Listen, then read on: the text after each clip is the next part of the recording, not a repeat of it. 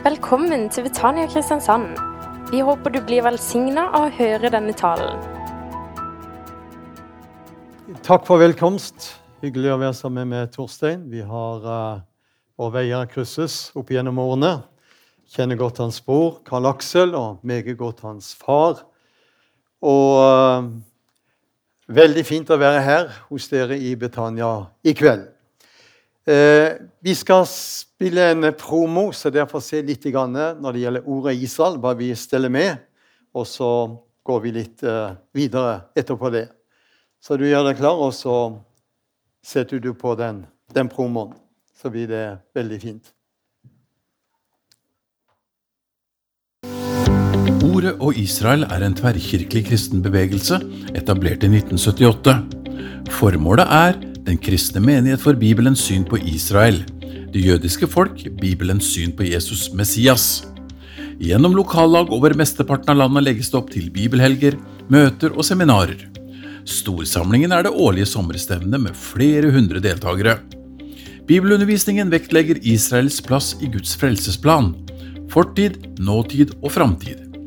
Evangeliet, Jesu gjenkomst og Bibelens profetier er kjennetegn. I tillegg til aktuell orientering som fremmer forståelse og kjærlighet til landet og folket. Bevegelsen har tre forkynnere som reiser på landsbasis, samt et stort nettverk av forkynnere fra ulike kirkesamfunn som deler visjonen. Ordet og Israel støtter det jødiske folket ved å støtte messianske jøders arbeid og prosjekter. Et litteraturprosjekt, trykking av viktig kristen litteratur og bibler, diakonalt arbeid for mennesker som mangler det elementære, fattige studenter, immigranter og enslige forsørgere. De messianske jøder i Israel har nå fått et eget utdanningssenter. Israel College of the Bible. Her utrustes messianske jøder og kristne arabere til tjeneste. Et viktig og strategisk arbeid. Menigheten Beit Eliahu er i dag en av de største messianske menighetene i Israel. På gudstjenestene på sabbaten kommer unge og gamle sammen til fellesskap med hverandre og Gud. Gjennom uken er det mangfold av aktiviteter som sabbatskole, ungdomsgruppe, ukentlig bibelundervisning på tre forskjellige språk, besøkstjeneste, evangelisering og kvinnearbeid. I Jesu fødeby Betlehem finnes en voksende arabisk menighet, First Baptist Church. Deres frimodige bekjennelse og anerkjennelse av Israel er kostbar på flere måter, men gir resultater. Ordet og Israel er med og bidrar. Et eget blad presenterer det pågående arbeidet. Her er interessante artikler om Israel, profetiene, Bibelen og den aktuelle situasjonen i Midtøsten. På hjemmesiden finner du nyheter, artikler og nettbutikk. Ungdomsarbeidet Joffi satser på bibelkurs for ungdom i Israel og oppstart av lokale Joffi-grupper som samles til undervisning om Bibel og ulike temaer knyttet til Israel og det jødiske folk. Ordet og Israel vil inspirere kristne forsamlinger i temaet om Israel, profetiene og endetiden, samt være en kanal for omsorg til det jødiske folk, ikke minst å vise dem Jesus. Du er velkommen til å delta i vårt arbeid. Kontakt oss gjerne for besøk og informasjon. Vil du gi oss en gave, gjerne på VIPS 18 720.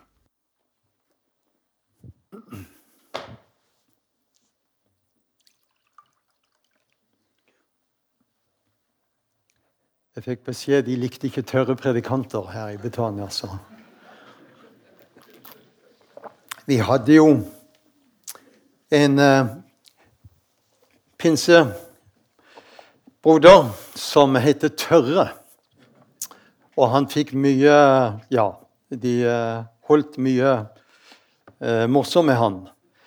Men uh, en dag syntes han det gikk Det var nok med den harseleringa av han. Så, så sier han det i et møte. Jeg skal si det er mye bedre å hete Tørre og være salvet enn å hete Salvesen og være tørr, sa han.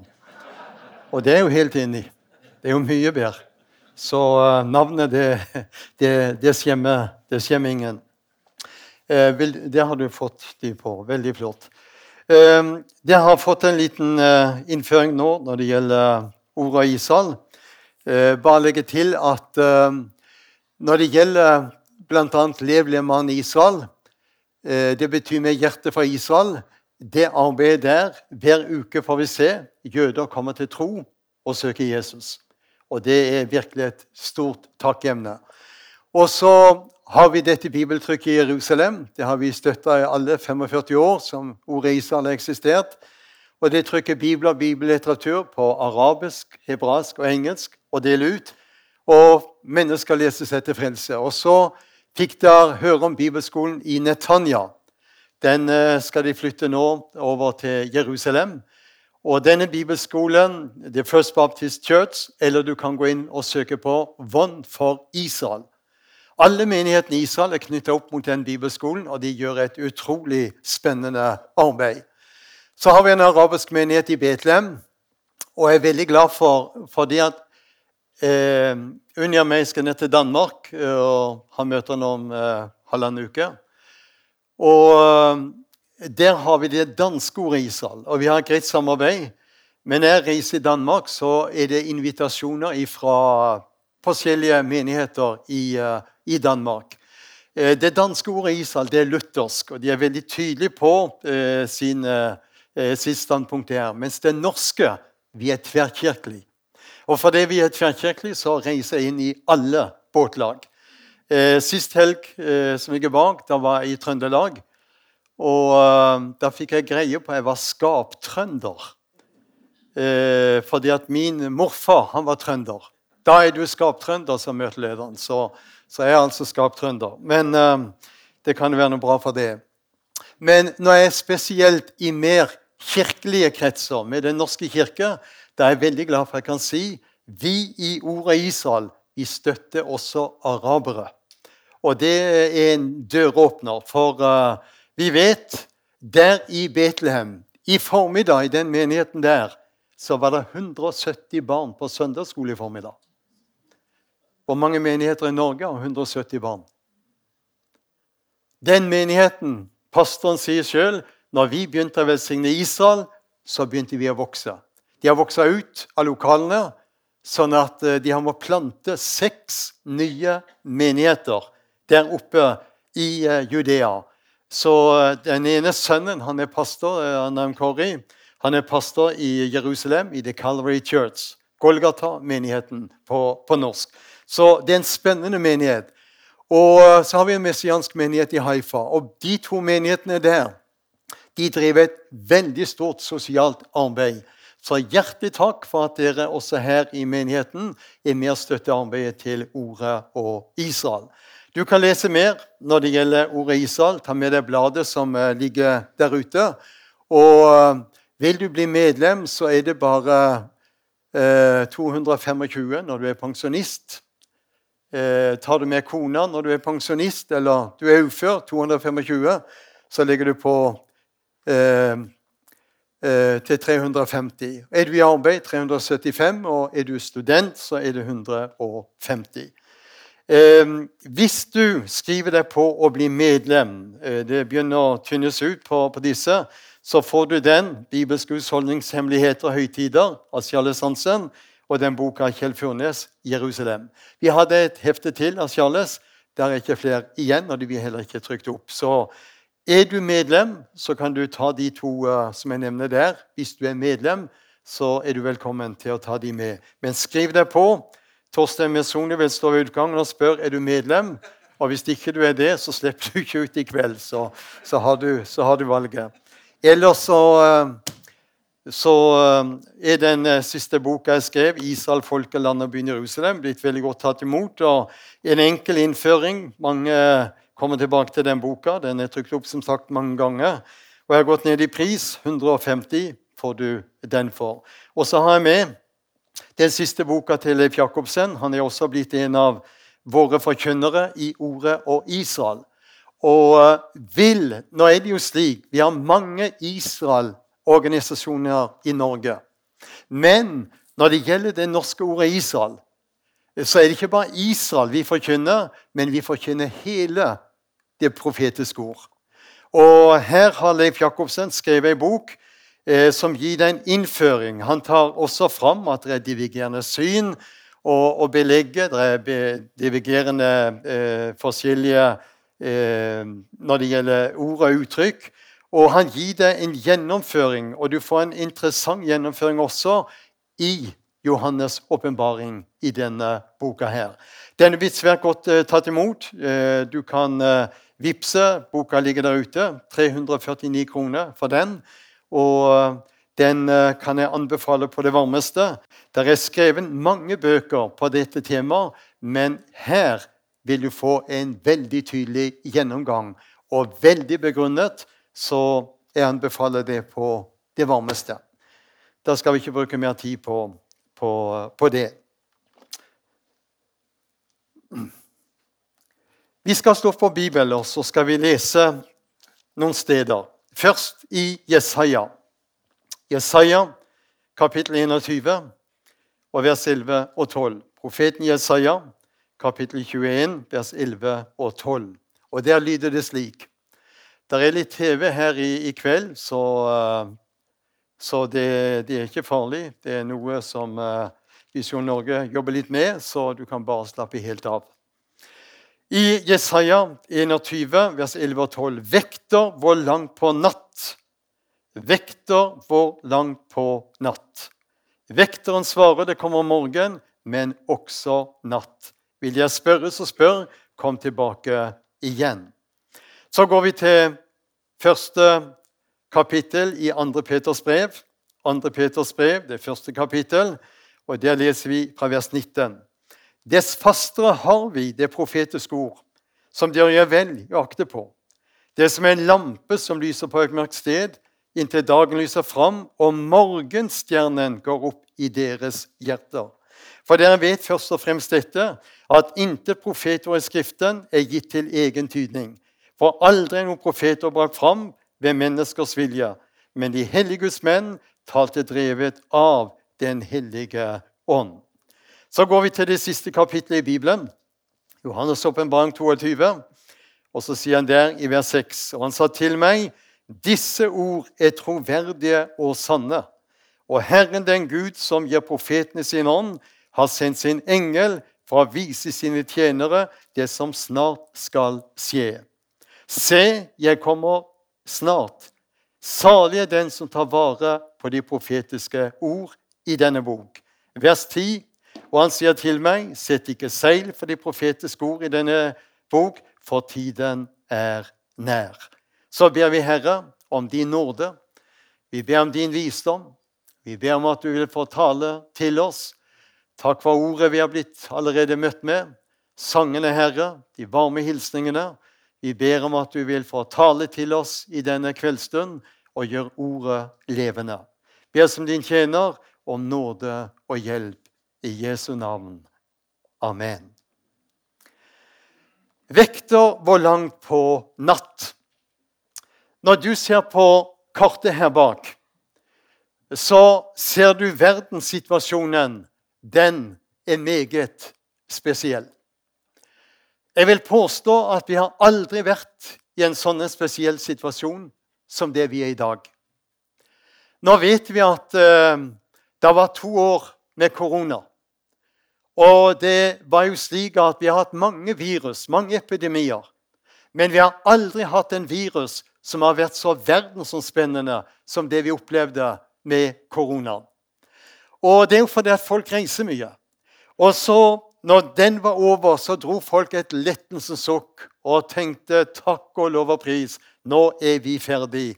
Og så smeller det til med Russland som angriper Ukraina. Jeg vil våge å påstå at Europa har sovet tornerosesøvn i 80 år. Og så blir vi vekket.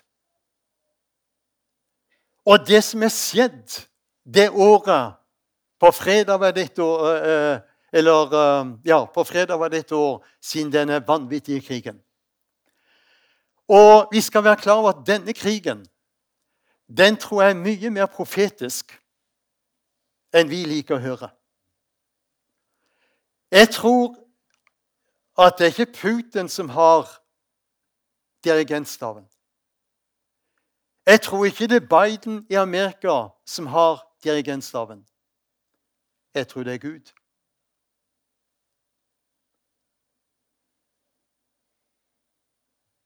Vi er i en situasjon i dag vår verden har våkna.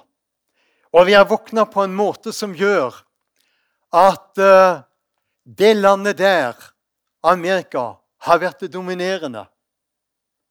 Og vi har mye å takke Amerika for. Men situasjonen er den at Amerika ikke heller var det en gang var. Det er mye som har skjedd i Amerika. Antisemittismen blomstrer i Amerika. Det er en ledelse i dag i Amerika som ikke var det en gang var. Og det gjør at det landet der, Russland, bryr seg ingenting om Amerika.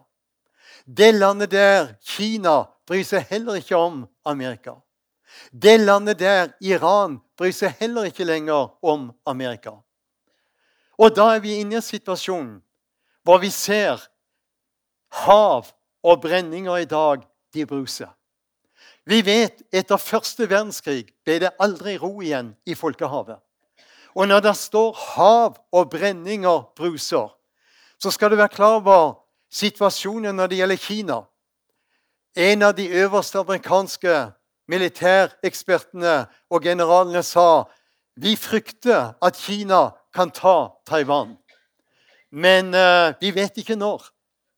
Og pga. det så har Amerika plassert den mest skrekkinngytende atomubåten i hele verden Amerika disponerer. Den har en slagkraft, den atomubåten som Amerika har plassert der som tilsvarer første og andre verdenskrigs våpenutrustning til sammen. Da snakker vi om avmakt. Og hvorfor har Amerika plassert? Jo, for å være, holde Kina en del i sjakk eh, enda. Og så vet vi, når det gjelder det området her som vi beskriver som Midtøsten Det som er veldig spennende nå, er det landet Iran. For Iran er i dag kommet så langt i anriken av uran. Og med den nye ledelsen i dag i Israel, med en statsminister som har vært veldig tydelig på at uh, Iran er en stor utfordring, så skal vi være klar over vi kan liksom ikke til fulle fatte den uroen som uh, gjør seg gjeldende når det gjelder Midtøsten i dag. Men det lille landet der Israel det er jeg ikke bekymra for. Hvorfor det? For det første han sover ikke, og han slumrer ikke Israels vokter, i Salme 121, vers 4. Det andre Israel er det eneste landet du leser med i Bibelen som er garantert å overleve. Og hvordan kan jeg si det? Jesus sjøl sa han skulle komme tilbake til dette landet. Zakaria, det 14. kapittel, beskriver i detalj når han kommer tilbake og skal plassere sine føtter på det fjellet han løfta hendene når han ble løftet opp Kristi himmelfartsdag. Han har full kontroll. Derfor vil jeg si til deg i kveld Vi har et uttrykk på engelsk. Don't be scared, be prepared. Ikke vær engstelig av frykt men vær forberedt. Og vi ser det som rører seg i dag, er høyprofetisk. Men midt i dette så er jeg veldig glad for han sover ikke. Han er ikke bare Isas vokter, men hva står det så fint i vers 5 i Salme 121? Han er også din og min vokter. Halleluja. Og Gud har ikke gitt oss en ånd av motløshet. Men han kommer til med en ny kraft og med en ny styrke. Og så vet vi denne vanvittige krigen som eh, Putin har satt i gang. Tenk på det. De snakker om 200 000 russiske soldater og offiserer er tatt livet av. Kan du tenke hvilken tragedie? Det, det, er jo så tragisk når du vet alle de hjem og familier som er berørt. Putin talte nå denne uka. Og han har helt rett når han beskriver Vesten. Når han beskriver utviklingen i Vesten, hvordan Vesten har åpna seg for veldig mye destruktivt som går på familier og hjem og kjønnsidentitet. Det har han helt rett i. Men mannen lider av storhetstanker og vil gjerne samle det gamle Sovjet igjen til et stort imperium. Men jeg har vært i Ukraina og hatt møter. Og når det gjelder Ukraina, så er det litt underlig. For hovedstaden i Ukraina, Kiev, regner russerne for en hellig by, og det er deres fødested. Men det som vi ser i dag, det er en åndskamp. Og denne åndskampen som utspiller seg, det er veldig underlig å tenke på. Hva er det som kommer til å skje? En annen ting jeg vil bare nevne, det er at Russland er jo tungt inne i Syria. Og her oppe i nord i Syria har Russland en meget interessant og en dyktig flåtebase. Og nå fikk jeg en mail, en som sendte til meg, og det var fra Hellas. Og de sa det Den flåtebasen som Russland har nord i Syria, den er med og gjør at Russland faktisk talt kan kontrollere svært mye av Middelhavet. Så det er mye som skjer. Og så har vi da Hva da med vår nordlige landsdel? Vi skal komme litt mer inn på, på, på, på det etter hvert.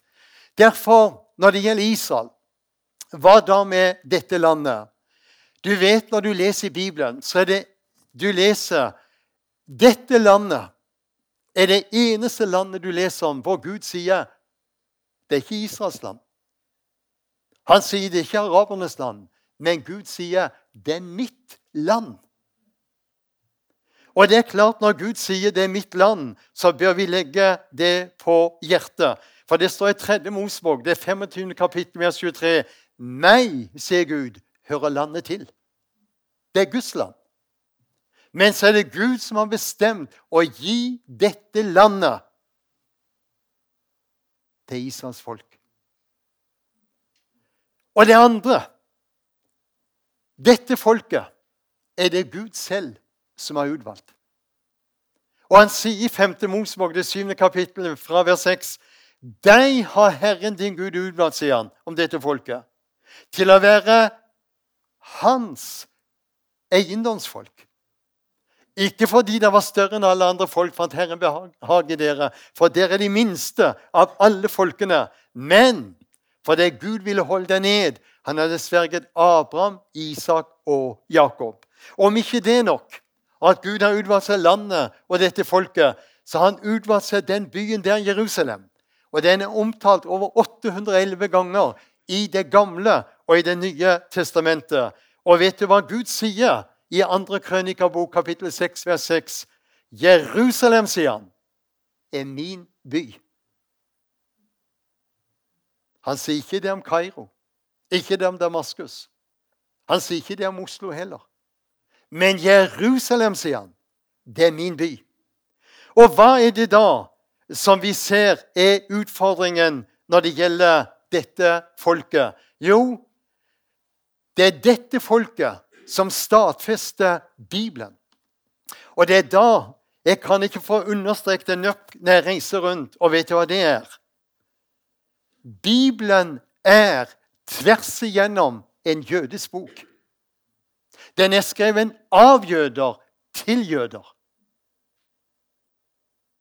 Så hver dag du åpner Bibelen, så bør du si 'Takk, Herre, for dette folket har gitt oss ditt ord. Og vær klar over det at når du ser på dette landet, så skjedde det i 1947, i oktober-november i 1947, at de fant Dødehavsrullene. Og det var så veldig avgjørende at de fant disse skriftene. Vet du hvorfor det? Når de leste og gikk igjennom Dødehavsrullene og kunne sammenligne med hva som var oversatt fra disse skriftene fram til 1947, så stemte det. Så funnet av Dødehavsrullene var med og stadfestet Bibelens troverdighet. Og da skal jeg lese eh, litt eh, interessant for deg, som kan være litt greit. Jeg har en fantastisk plansje her fra en flott kar i Lyngdal. Og Under meg var i Lyngdal nå på, på torsdag. Der i bedehuset, midt i alene, så var det bedehuset det var smekka fullt denne torsdagskvelden. Og Da var jeg glad å kunne si denne lyngdalskaren, John Aurebekk. Jeg hadde møter her i Frikirka her for uh, tre-fire år siden. Og Da var dattera til Aurebekk der, og hun var så glad for jeg hadde dette kortet. Men når det gjelder det kortet her, så er det en plan fra begynnelsen til avslutningen. Det kan virke litt uh, innviklet, men du vet vi har syv dager i uka, og vi har syv tidsintervaller. Og da eh, skal jeg ta deg med og så vise deg Bibelens første profeti. Den leser du om i Første Mosebok, det tredje kapittel. Og når vi snakker om profetier, så det er mange som tror det ja, når det kommer en profeti, så skal jo den skje nesten i løpet av noen dager eller noen uker. Bibelens første profeti, som ble talt her i Edens hage, det gikk 4000 år før den profetien ble oppfylt. Tenk på det. Det står her i Første Mosebok, i det tredje kapittel, og vers 15. Der sier Gud etter fallet i Edens hage Jeg vil sette fiendskap mellom deg og kvinnen, mellom din ett, sier han til, til djevelen, og hennes ett. Han som er kvinnens ett, som er Kristus, skal knuse ditt hode. Men du, sier han til slangen, du skal knuse hans hæl. Det skjedde på Golgata kors. Men det gikk 4000 år ifra Gud talte den profetien, til det skjedde på det midterste kors i Jerusalem. Og da er det ikke som du ser på mange av disse bildene når det gjelder Jesu korsfestelse, så viser de at naglene gikk gjennom rista. De gjorde ikke det. Naglene gikk igjennom hælen. For det første er det mest smertefullt. Og for det andre så skulle det oppfylles som var talt for 4000 år siden. Han skal knuse din hæl. Det skjedde bokstavelig når Jesus ble spikret fast til forbannelsens tre. Og da skjønner du det er mange profetier. Jeg skal ta det med og lese et par til. I eh, Daniel, i det åttende kapittel Den profetien ble talt for 2500 år siden. Og den profetien, venner, den er vi midt inne i dag. Hør hva det står i Daniel, det åttende kapittel. Der beskriver han at synet i vers 17 det sikter til endens tid vers 19, til vredens siste tid. Og så går vi ned til vers 23. I den siste tid av deres herredømme, når overtrederne har fylt sine synders mål, skal det stå fram en konge med frekt ansikt og kyndig i onde råd. Og så beskriver han Antikrist. Hans makt skal bli eh, stor, men ikke ved hans egen kraft. Han skal gjøre fryktelig stor skade og ha fremgang med alt han foretar seg. Mektige fyrster og de helliges folk skal han ødelegge. Hvem er de helliges folk her? Det er ikke menigheten, men det er jødene. Og så sier han, fordi han er klok, skal han svikefulle framferd lykkes for ham. Han skal opphøye seg i sitt hjerte. Mange skal han ødelegge deres trygghet. Ja, sier han, mot fyrstenes fyrste. Hvem er det? Det er Jesus. Skal Antikrist sette seg opp, men uten menneskehånd skal han bli knust. Og så kommer det synet om aftener og morgener, som det var tale med sannhet. Men gjem du synet, for det sikter til en fjern framtid.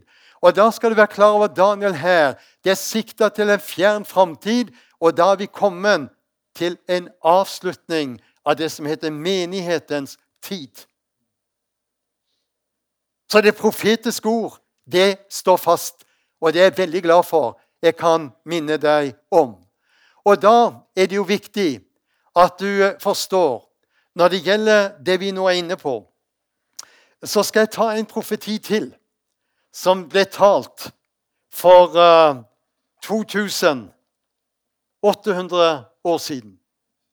Og denne profetien den uh, står i Jesaja i det 66. kapittel.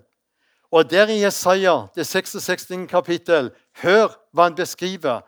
Og det gjelder når staten Israel ble gjenopprettet. Da ble det lest ifra originalskriften fra disse dødehavsrullen fra Jesaja-boken. Jesaja 66, vers 8. Hvem har hørt slikt? Hvem har sett slike ting? Kommer et land til verden på en dag, eller blir et folk født på en gang? For Sian har vært i barnsnød, og med det samme har hun født sine sønner. Kan du tenke deg? 2800 år siden skjedde dette bokstavelig når denne staten ble gjenopprettet. Og da vet vi at den tiden vi i dag er inne i, så er det mye som skjer mot dette landet og mot dette folket. Og det er Gud som har tatt ut dette folket, for det skal være med å fullføre hans frelsesplan.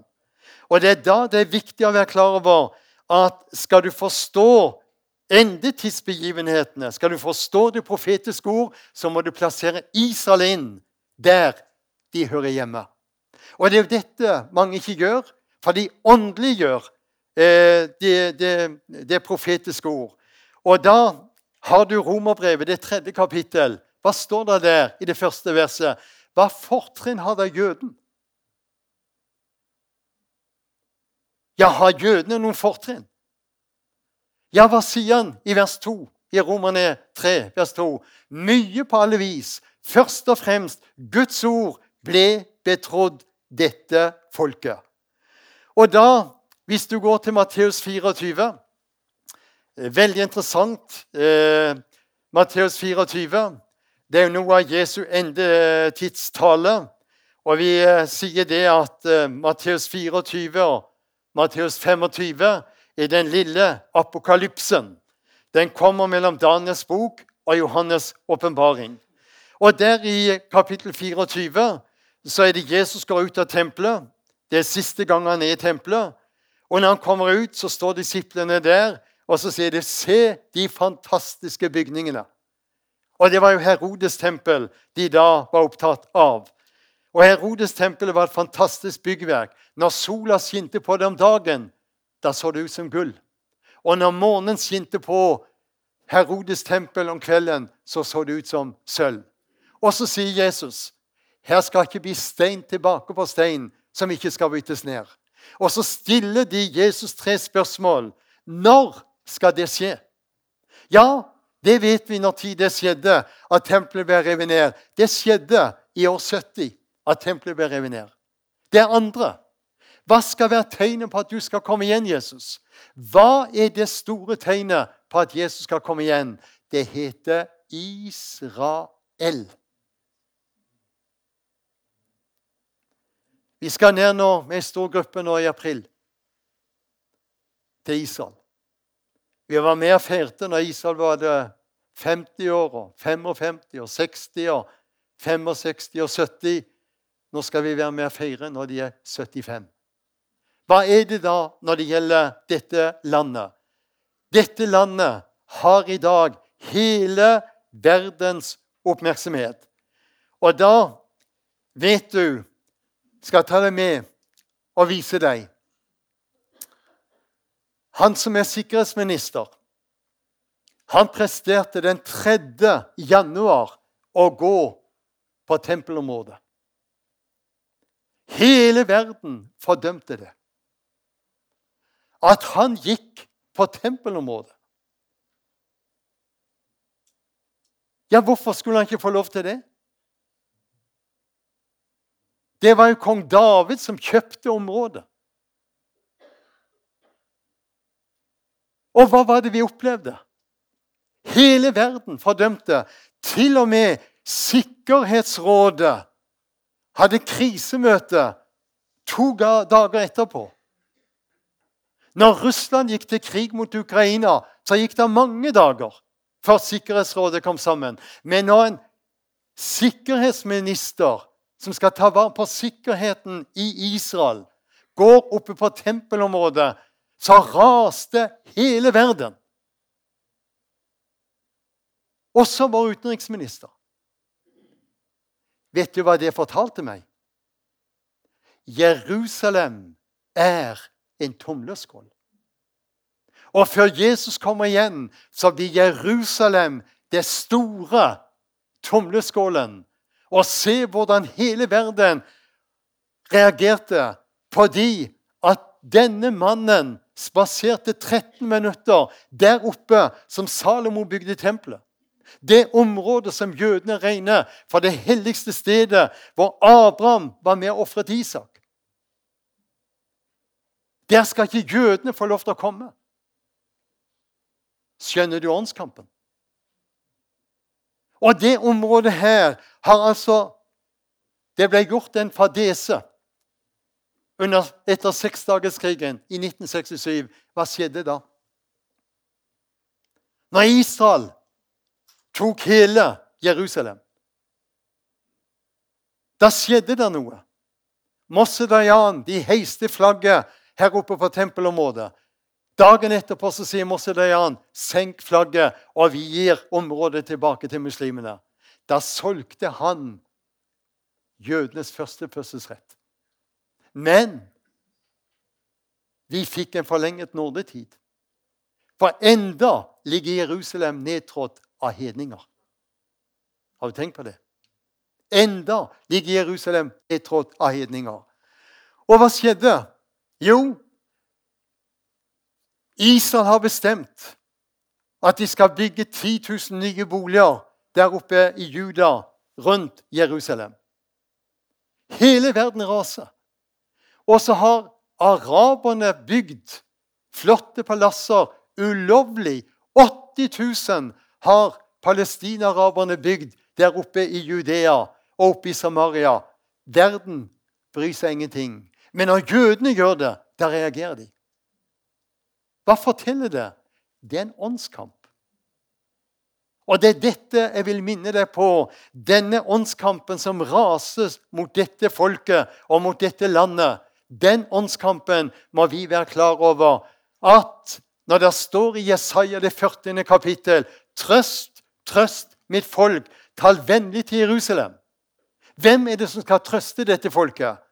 Det er vi kristne. Hvem er det som har skapt jødene mest problemer? De kristne. Med korsfarertiden, med inkvisisjonen på det 15. århundre, med Hitler-Tyskland og de mange kristne eh, eh, land i dag i verden fordømmer Israel. Og jeg måtte minne på torsdag når jeg var i Lyngdal. For i 2008 hadde jeg møter i Frikirka i Lyngdal. Da var det en gammel høvding, Tarjei Noraberg, misjonssambandsmann, en fantastisk flott kar. Noen kjenner navnet. Jeg hadde talt, og Tarjei Noraberg skulle avslutte. Da går Tarjei Noraberg fram på talerstolen og takker for det de hadde lyttet til, og så sier han Fra 1948, når staten Israel ble gjenopprettet, og fram til 1967 var det en goodwill i Norge for Israel. Det skyldtes tre ting. For det første Landsorganisasjonen var positiv til Israel. Det norske Arbeiderparti var positiv til Israel. Og det norske kristenfolk var positiv til Israel. Og så sier Tarjei Noraberg i 2008 Hva har vi i dag? Vi har en landsorganisasjon som vil boikotte. Vi har en rød-grønn regjering som boikotter. Og vi har et kristenfolk i dag, sa han i 2008, som er likegyldige når det gjelder Israel. Har han rett? Meget rett. Og jeg tror på det. Den som velsigner Israel, skal det gå bra. Og vår utenriksminister hun fordømte Israel i sterke ordelag. Og hva skjedde tre dager etterpå? Hele den nye Follobanen, 37 milliarder, den stoppet opp. Tror du det var tilfeldig? Nei, jeg tror ikke det. Jeg tror ikke det. Jeg tror det Bibelen sier, den som velsigner, blir velsignet. Ja, det var to som var enige. Noe av det fantastiske jeg syns i dag, er når du kommer og ser hva Bibelen har talt om. Og når du går til Jesaja, det 35. kapittel, Og leser du i Jesaja 35, du leser om ørkenen og de tørre områdene. De skal fryde og glede seg, og kilder skal velle fram der i ørkenen, beskriver han her i eh, Jesaja i det 35. kapittel. Og i mange, mange år etter staten Israel var gjenoppretta, mente de det er umulig. Det går ikke. Mange hadde prøvd å bore, hadde mislykkes. Og så var det en rik jøde som innhenta et borefirma. Og han var helt sikker på at ut ifra Jesaja 35 Ødemarken og det øde land skal glede seg. Ødemarken skal juble og blomstre som en lilje. Og kilder bryter fram i ørkenen og bekker i ødemarken. Det glødende sandhavet, den ørkenen, skal bli til en sjø. Han var helt sikker. Og han innhenta en anbud og fikk en til å bore. Han bora ei uke. Fant ingenting. To uker, tre uker. Bare forskjellige steder. Fant ingenting. Fire-fem uker. Da begynte han å bli lei. Så sa han, 'Du ser, der er ikke vann.' Jo, sa han, der er det, for det står der Jesaja 35. Nei, sa han. Og så sier denne borensjefen, 'Jeg luter lei', sa han. 'Ja, men jeg betaler. Spiller ingen rolle', sa han. 'Nå vil jeg gi meg.' Og da sier denne rike jøden, 'Vent', sa han. 'Jeg må snakke med, med Gud', sa han. Så gikk han inn. Han hadde laga en synagoge der ute i ørkenen. Og Så gikk han inn og så sitter han i bønn så sier han det. Da har vi bora i mange uker. Vi har ikke funnet noe. Men det står her i Jesaja 35 at det er vann i ørkenen, sa han. Men han vil ikke mer. Så får han et underlig svar. Be han å bore en time til. Du skal bore en time til, sier han. Takk og pris han. Og han bora. Det gikk 45 minutter, 55, 56, 57, 58 minutter. Og denne rike jøden satt inne i synagogen og ba. Plutselig så drar han gardinet til side, denne bordsjefen. 'Hva skal vi gjøre nå?' sa han.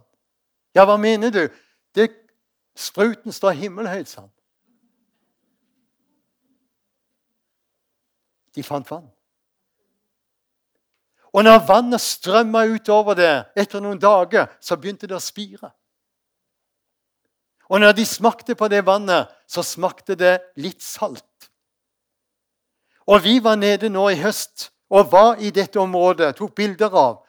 Og det området, disse områdene ser du 45 tonn med tomater på det området der. Her har du 8 tonn med sherrytomater på det området der. Og fremdeles bruker de dette vannet med saltinnhold. Og vet du hva som skjer? Det gir firdobbel avling. De har brukt det til drikkevann, men nå distillerer det, så det er rent vann, det som de bruker å drikke. Men i jordbruket så bruker de akkurat det samme. Vet du hva jeg syns er interessant? Den første statsministeren i Israel, David Ben-Gurion, han så at framtiden for Israel det var ørken. Og David Ben-Gurion han var jo arbeiderpartimann. Han var sosialist, men han leste Bibelen. Og David Ben-Gurion sa ut fra Jesaja 35 så skal det bli liv i ørken. Det var han helt sikker på. Og det neste som er jo veldig interessant, det er det at der nede i ørkenen, et område, stort område, er det 55 000 sånne solceller med, med Det er egentlig speilrefleks som varmer opp vannet her i den uh, store uh, uh, statuen der som er over 230 meter høy. Og det lyset som er der, det er så sterkt midt på dagen, vanskelig å se imot. Men i den svære kolben så varmer de vann opp 600 grader, og de forsyner 200 000 husstander med strøm. Det så også David Ben-Gurion. At de måtte utnytte ressursene der ute i ørkenen. Og når du ser hva Bibelen sier, ser hva som skjer i dette landet, så er landet med å stadfeste Bibelens løfter. Halleluja. Og det er noe av det som gjør dette landet så veldig spesielt, og som vi bare må fryde og glede oss over. Og når du ser når Gud tok og delte opp dette landet til Isas tolv stammer Der ute med, opp med Haifa og området der, det ga han til Aser. Og så sier, ble det sagt om Aser han skal dyppe sin fot i olje. Og det var også jøder. Kanadiske jøder som skjønte at skal han dyppe sin fot i olje, da må være olje i det området. Så satte de i gang å bore der ute noen nautiske mil ut forbi Haifa. Og de holdt på lenge. Og så smeller det til at de fant ikke olje, men de fant gass. Og når de har drevet og bora, så har de funnet noen så enorme mengder med gass at det er noen av de største gassfunnene i verden. Hør, Bibelen sier det. Nå skal jeg lese for deg ordrett hva Bibelen sier om det Israel nå har funnet der ute i uh, ørkenen. Utrolig interessant. Og det han sier her i uh, kapittel 60 i Jesaja Hør hva han sier om dette funnet. Jesaja 60 og vers 5. Da skal du se det og stråle av glede, og ditt hjerte skal banke og utvide seg. Og så står det For havets rikdom, sier han, skal vende seg til deg. Og folkenes gods skal komme til deg. Hva betyr det? Jo, når Putin gikk til krig mot Ukraina, så bestemte jo både Russland og Frankrike seg ikke noe gass vil vi ta imot ifra Russland. Og du kjenner denne nye gassledninga, Nord Stream-ledningen, som gikk også ut forbi Danmark og inn. Den ble jo sprengt, og hvem gjorde det? Norge har fått skylda, mange andre fra Russlands side, men det er nok de sjøl som har gjort det. Men Europa var interessert. Hvor kan vi få hjelp? Norge forsyner Europa både med gass, olje, strøm, med noen og 20% av hva Europa trenger. Og nå skal jeg si deg noe. Norge tar inn så enorme summer at hver husstand i Norge skulle ha gratis strøm. Men det er noe som er galt i Norge. Og hva er galt? De skal spare på sykehusene, skal spare på sykehjemmene, skal spare på skolene. Alt skal spares på, og Norge får noen enorme inntekter. Og da spør jeg får Norge lønna i en hullet pung? Ja, det ser sånn ut. Og situasjonen i dag føler jeg med mange eldre som har det tøft, og mange barnefamilier som har det fryktelig vanskelig. Og det er blitt så ille i en del byer i Norge at Nav har ikke lenger mulighet til å hjelpe, så de sier gå til Frelsesarmeen. Gå der det er matutdeling. Det er Norge 2023. Hvilken tragedie. For et land som er regna for å være det rikeste, et av de rikeste i, i verden. Men hva skjedde med EU? Hvor var det de kunne finne? Jo, de måtte til Israel. Og så er Israel villig til å gi dem gass. Og så skriver de under en avtale i mai 22. Og den avtalen går fram til år 2050. Og bare her for en, eh, en 14 eh, dager siden så gikk den første transporten når det gjelder gass fra Israel, til Europa. Og nå de, har de begynt på denne gassrørledningen som skal gå fra Israel og eh, via eh, eh, der i Middelhavet, som berører både Kypros og, og, Hellas, og inn i Europa. Og hva forteller det meg?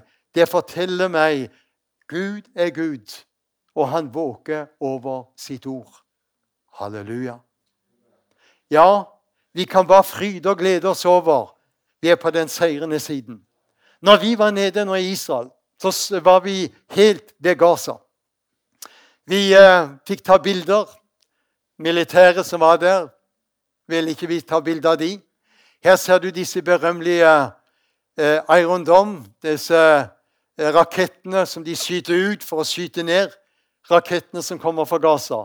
En sånn rakett som Israel må skyte ut for å avskjære og skyte ned fiendens raketter, koster 62 000 dollar. 6,2 millioner. Det er mye penger. Men hva har Israel gjort? De har konstruert, konstruert noe som heter Iron Beam. Lynstrålen. Og den er utrolig effektiv. Den koster bare ca. 15 norske kroner å benytte. Helt utrolig hva dette landet klarer. Tror du hele verden er interessert i den? Det skal jeg love deg. Jo, han sover ikke og slumrer ikke, han som er Israels vokter. Han våker over sitt ord og sitt land. Det som jeg synes er stort i dag i Israel, det er det som skjer på den åndelige fronten. Jøder kommer til tro. Jesus åpenbarer seg i drømmer og syner for arabere i arabiske land og for jøder og arabere i Israel. Og vi har, møter stadig seiersrapporter hvor arabere kommer og sier det var en som viste seg for oss tydelig i et syn. Han sa han var Jeshua. Hvem er denne mannen? Og så kan messianske jøder fortelle jo, det er vår Herre og Frelser. Og en av de store rabbinerne Du kan gå inn og søke på Kaduri på, på nettet. Og da vil du møte en rabbiner som de regner som en av de mest innflytelsesrike de siste over 300 år. Som har hatt mesters innflytelse over de ortodokse jøder over hele verden. Denne Kaduri han var bl.a. kabbalist. Men de siste årene han levde, han ble gammel, 109 år gammel, klar i tanken. Og han, De siste årene så begynte han å studere hva sier Bibelen om Jeshua, Hamasia. Og når han drev og studerte, så kom han til at uh, Bibelen sier mye om dette. Og han skrev av og tegnte rundinger når han leste i uh, Toran, de fem Mosebøker, og videre i Tanak, som er det hebraiske ordet for Gamle testamentet. Studerte. Og han fikk, eh, fant igjen at Jeshua, som uh, og det greske, eh, eller kortversjonen av Jeshua. Og han eh, fant ut at uh, dette med, med Messias fant han igjen og igjen, gikk igjen i Det gamle testamentet. Og så ble han en varm Jesu etterfølger.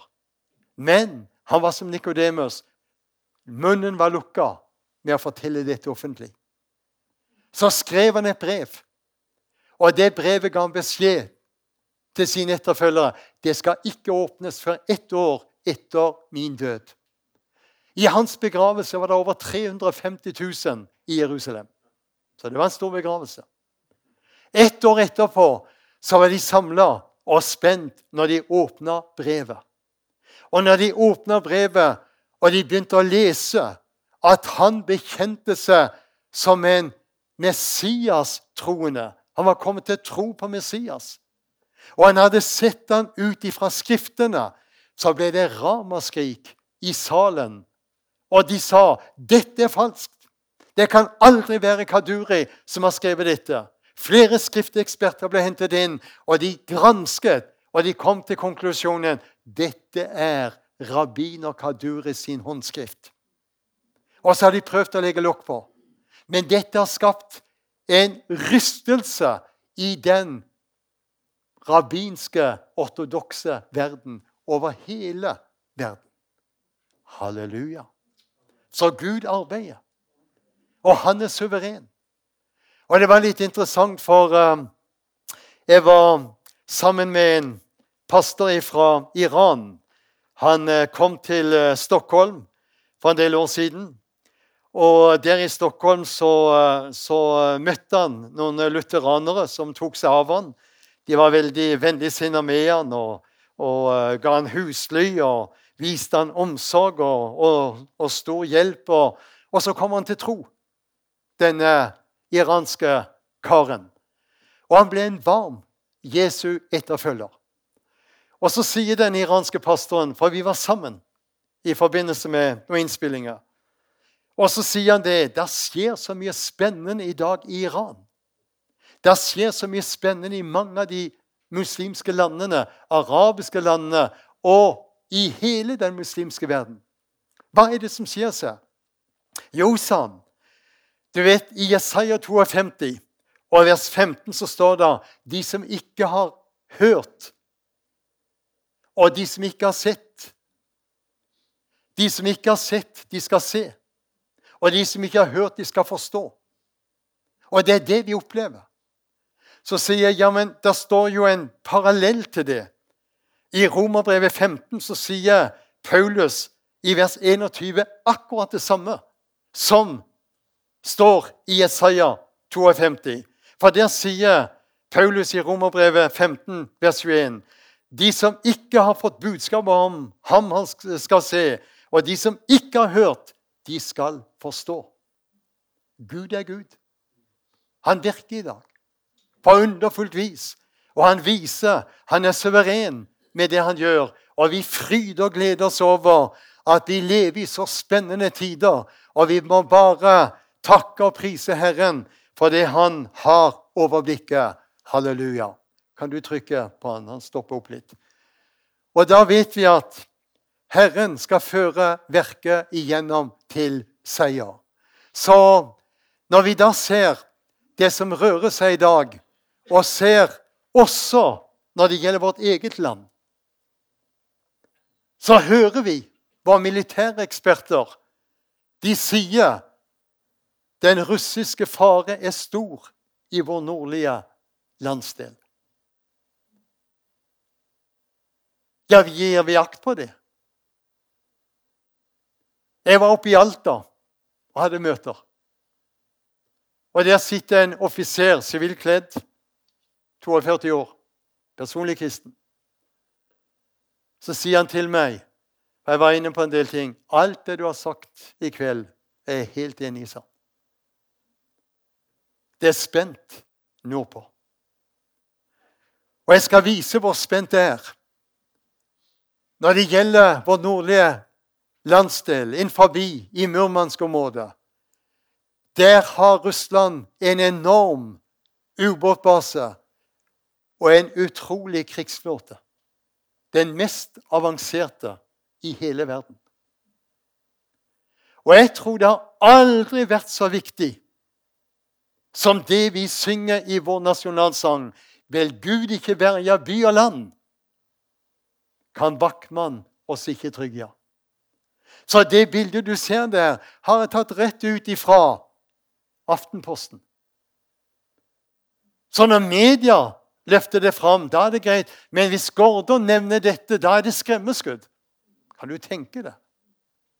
Og hvorfor det? Jo, da kommer jeg inn på at det har vært profetier både fra Lebesbymannen, Emanuel Minas og så flere som har tydelige profetier når det gjelder vår nordlige landsdel. Og vi har jo tilbake til på 50-tallet, hvor uh, Stalin sto der og forbannet, og Gud slo han til jorda.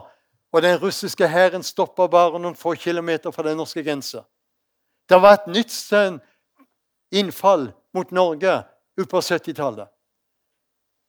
Jeg tror på de helliges bønner.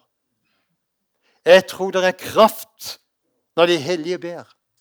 Og jeg tror på vi har en Herre og Frelser som våker over sitt ord. Og da vet vi, når det gjelder Putin, og når det gjelder Midtøsten, så vet vi de store endetidsbegivenhetene med Gog-krigen, med Hamargedanslaget. Dette er ting som ligger foran. Men ikke vær fryktsom og redd, men vær forberedt. Vi er på hjemvei. Vi er ikke på vei mot en begravelse. Vi er på vei mot en oppstandelse. Vi er ikke på vei mot en undergang. Vi er på vei mot en herlig overgang. Halleluja. Og det er da vi kjenner og mitt mål når jeg reiser rundt, vet du hva det er? at det du lytter til og har lytta til i kveld, skal være med å anspore oss til Herre, send du på ny en nådetid over Kristiansand. Send du på ny en besøkelsestid over landet vårt. Du får bruke hva du vil, når du vil og hvem du vil, men vi trenger et himmelbesøk hvor vi får se Gud tale til bønnebarna. Herren taler til de frafalne. Herren rører med de som er kommet på avstand. Hvorfor det? Jeg tror vi er kommet til avslutningen av menighetens tid. Jeg tror Jesus kommer snart igjen. Det er ikke tid til å sove. Det er tid, venner, til å være fullt våken. Må Herren gi nåde at vi gir akt med det vi begynte med. Vekter for langt på natt. Og vi er langt på natt. Men for oss som er frelst, går vi mot høylys dag. Halleluja. Så om du skal legges i grav så er ikke det noe nederlag. Tenk, da bærer han deg hjem. Du får privatskyss. Og det er jo veldig flott. Når vi skal rykkes i skyer, da blir det kollektivt. Men her vet vi ikke dag eller time. Men vi ser tegnene. Og tegnene er tydelige. De varsler. Gi akt på det profetiske ord. Og Vi kan ha kommet inn på mange tegn. Tida har gått, så jeg skal ikke trette dere noe mer. Men jeg vil bare si det er fastere enn syner og åpenbaringer har vi det profetiske ord. Det er som et lys som aldri har lyst så klart som i dag. Og så tror vi igjen at Gud vil se i nåde til landet vårt. Og velsigne denne gamle leserbyen Kristiansand med igjen et himmelbesøk. Herre, vi takker deg. Vi kjenner nød, Herre, når det gjelder vårt land. Vi kjenner nød når det gjelder våre ledende politikere som har løftet så feil på Israel. Og vi kjenner nød, Herre, når det gjelder vårt land, som har gjort Israel så mye vondt med Oslo-avtalen. Men du vil si nåde, Herre. Du vil si nåde. Så ser vi utviklingen, og vi kjenner tiden. Og når vi ser utviklingen og vi ser tiden, så kjenner vi bare, Herre, det lakker mot midnattstimen. Men takka for vi som hører deg til. Vi hører til det folket som har framtid og håp. Vil du gi nåde over den enkelte som er her inne i Betania i kveld? Hjelp oss at vi forstår tiden. At ikke vi er uvitende. Vi ber Herre for menigheten her i Britannia. Fyll den med lengtende mennesker. Fyll den med søkende sjeler. La bønnebarna, Herre, kjenne dragelse etter å vende tilbake til farshuset. Velsign Torstein som står her, og hans hustru hjem.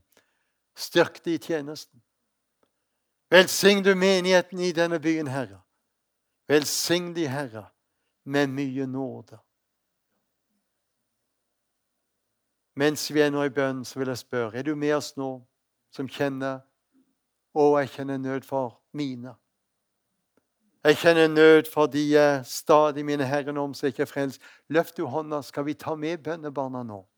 Skal vi forene oss og rope til himmelen La det bli en bønnebarnsvekkelse. Rekk ut din arm, Herre. Tal du til mennesker, og la mennesker få oppleve å søke deg. Herre, du ser hender. Du ser behov og lengsler. Og vi vet du kan gjøre mer enn alt. Du kan gjøre langt utover hva vi har forstand til å be deg om. Så vi ber, Herre, at du vil etterjage hver eneste en av oss. Og vi tror på at de som har sådd med gråt, skal få høste med fryderop.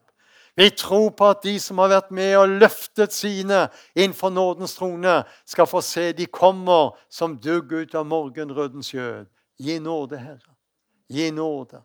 Velsign den enkelte som har vært til stede. Takk at du vil løfte blikket vårt. Løfte blikket innenfor dette at når det er over her, så er vi i din herlighet, og vi vet hvilken herlighet som venter oss. Så vi ber, si nåde til landet vårt. Si nåde til vår statsminister og regjering. Si nåde til vårt storting og vårt kongehus.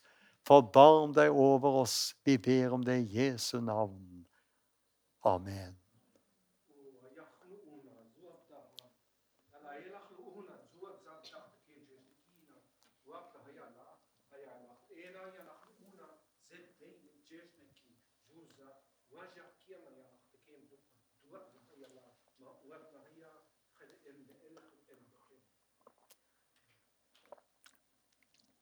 Jeg har talt til deg i kveld for å minne deg om tiden. Jeg minner deg om, som jeg også måtte minne menigheten i Efesus om Våkn opp, du som sover. Stå opp fra de døde. Og jeg, Kristus, som er menighetens herre, skal lyse og stråle for deg og gjennom deg.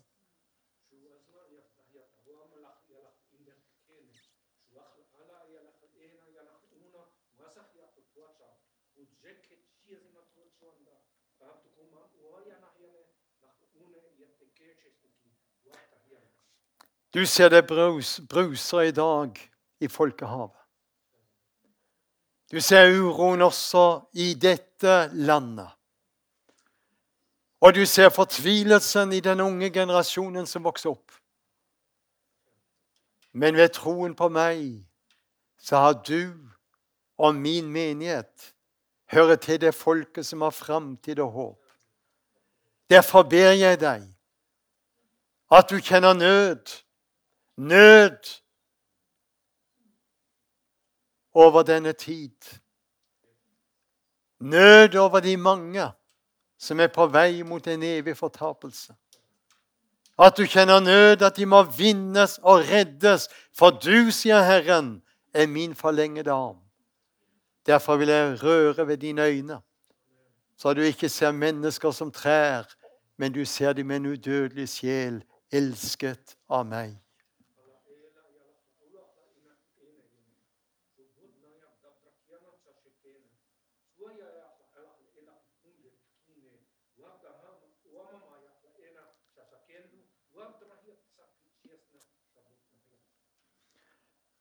Min tjener, profeten, ropte ut. Kornhøsten er forbi. Frukthøsten er til ende. Men folket var ikke frelst.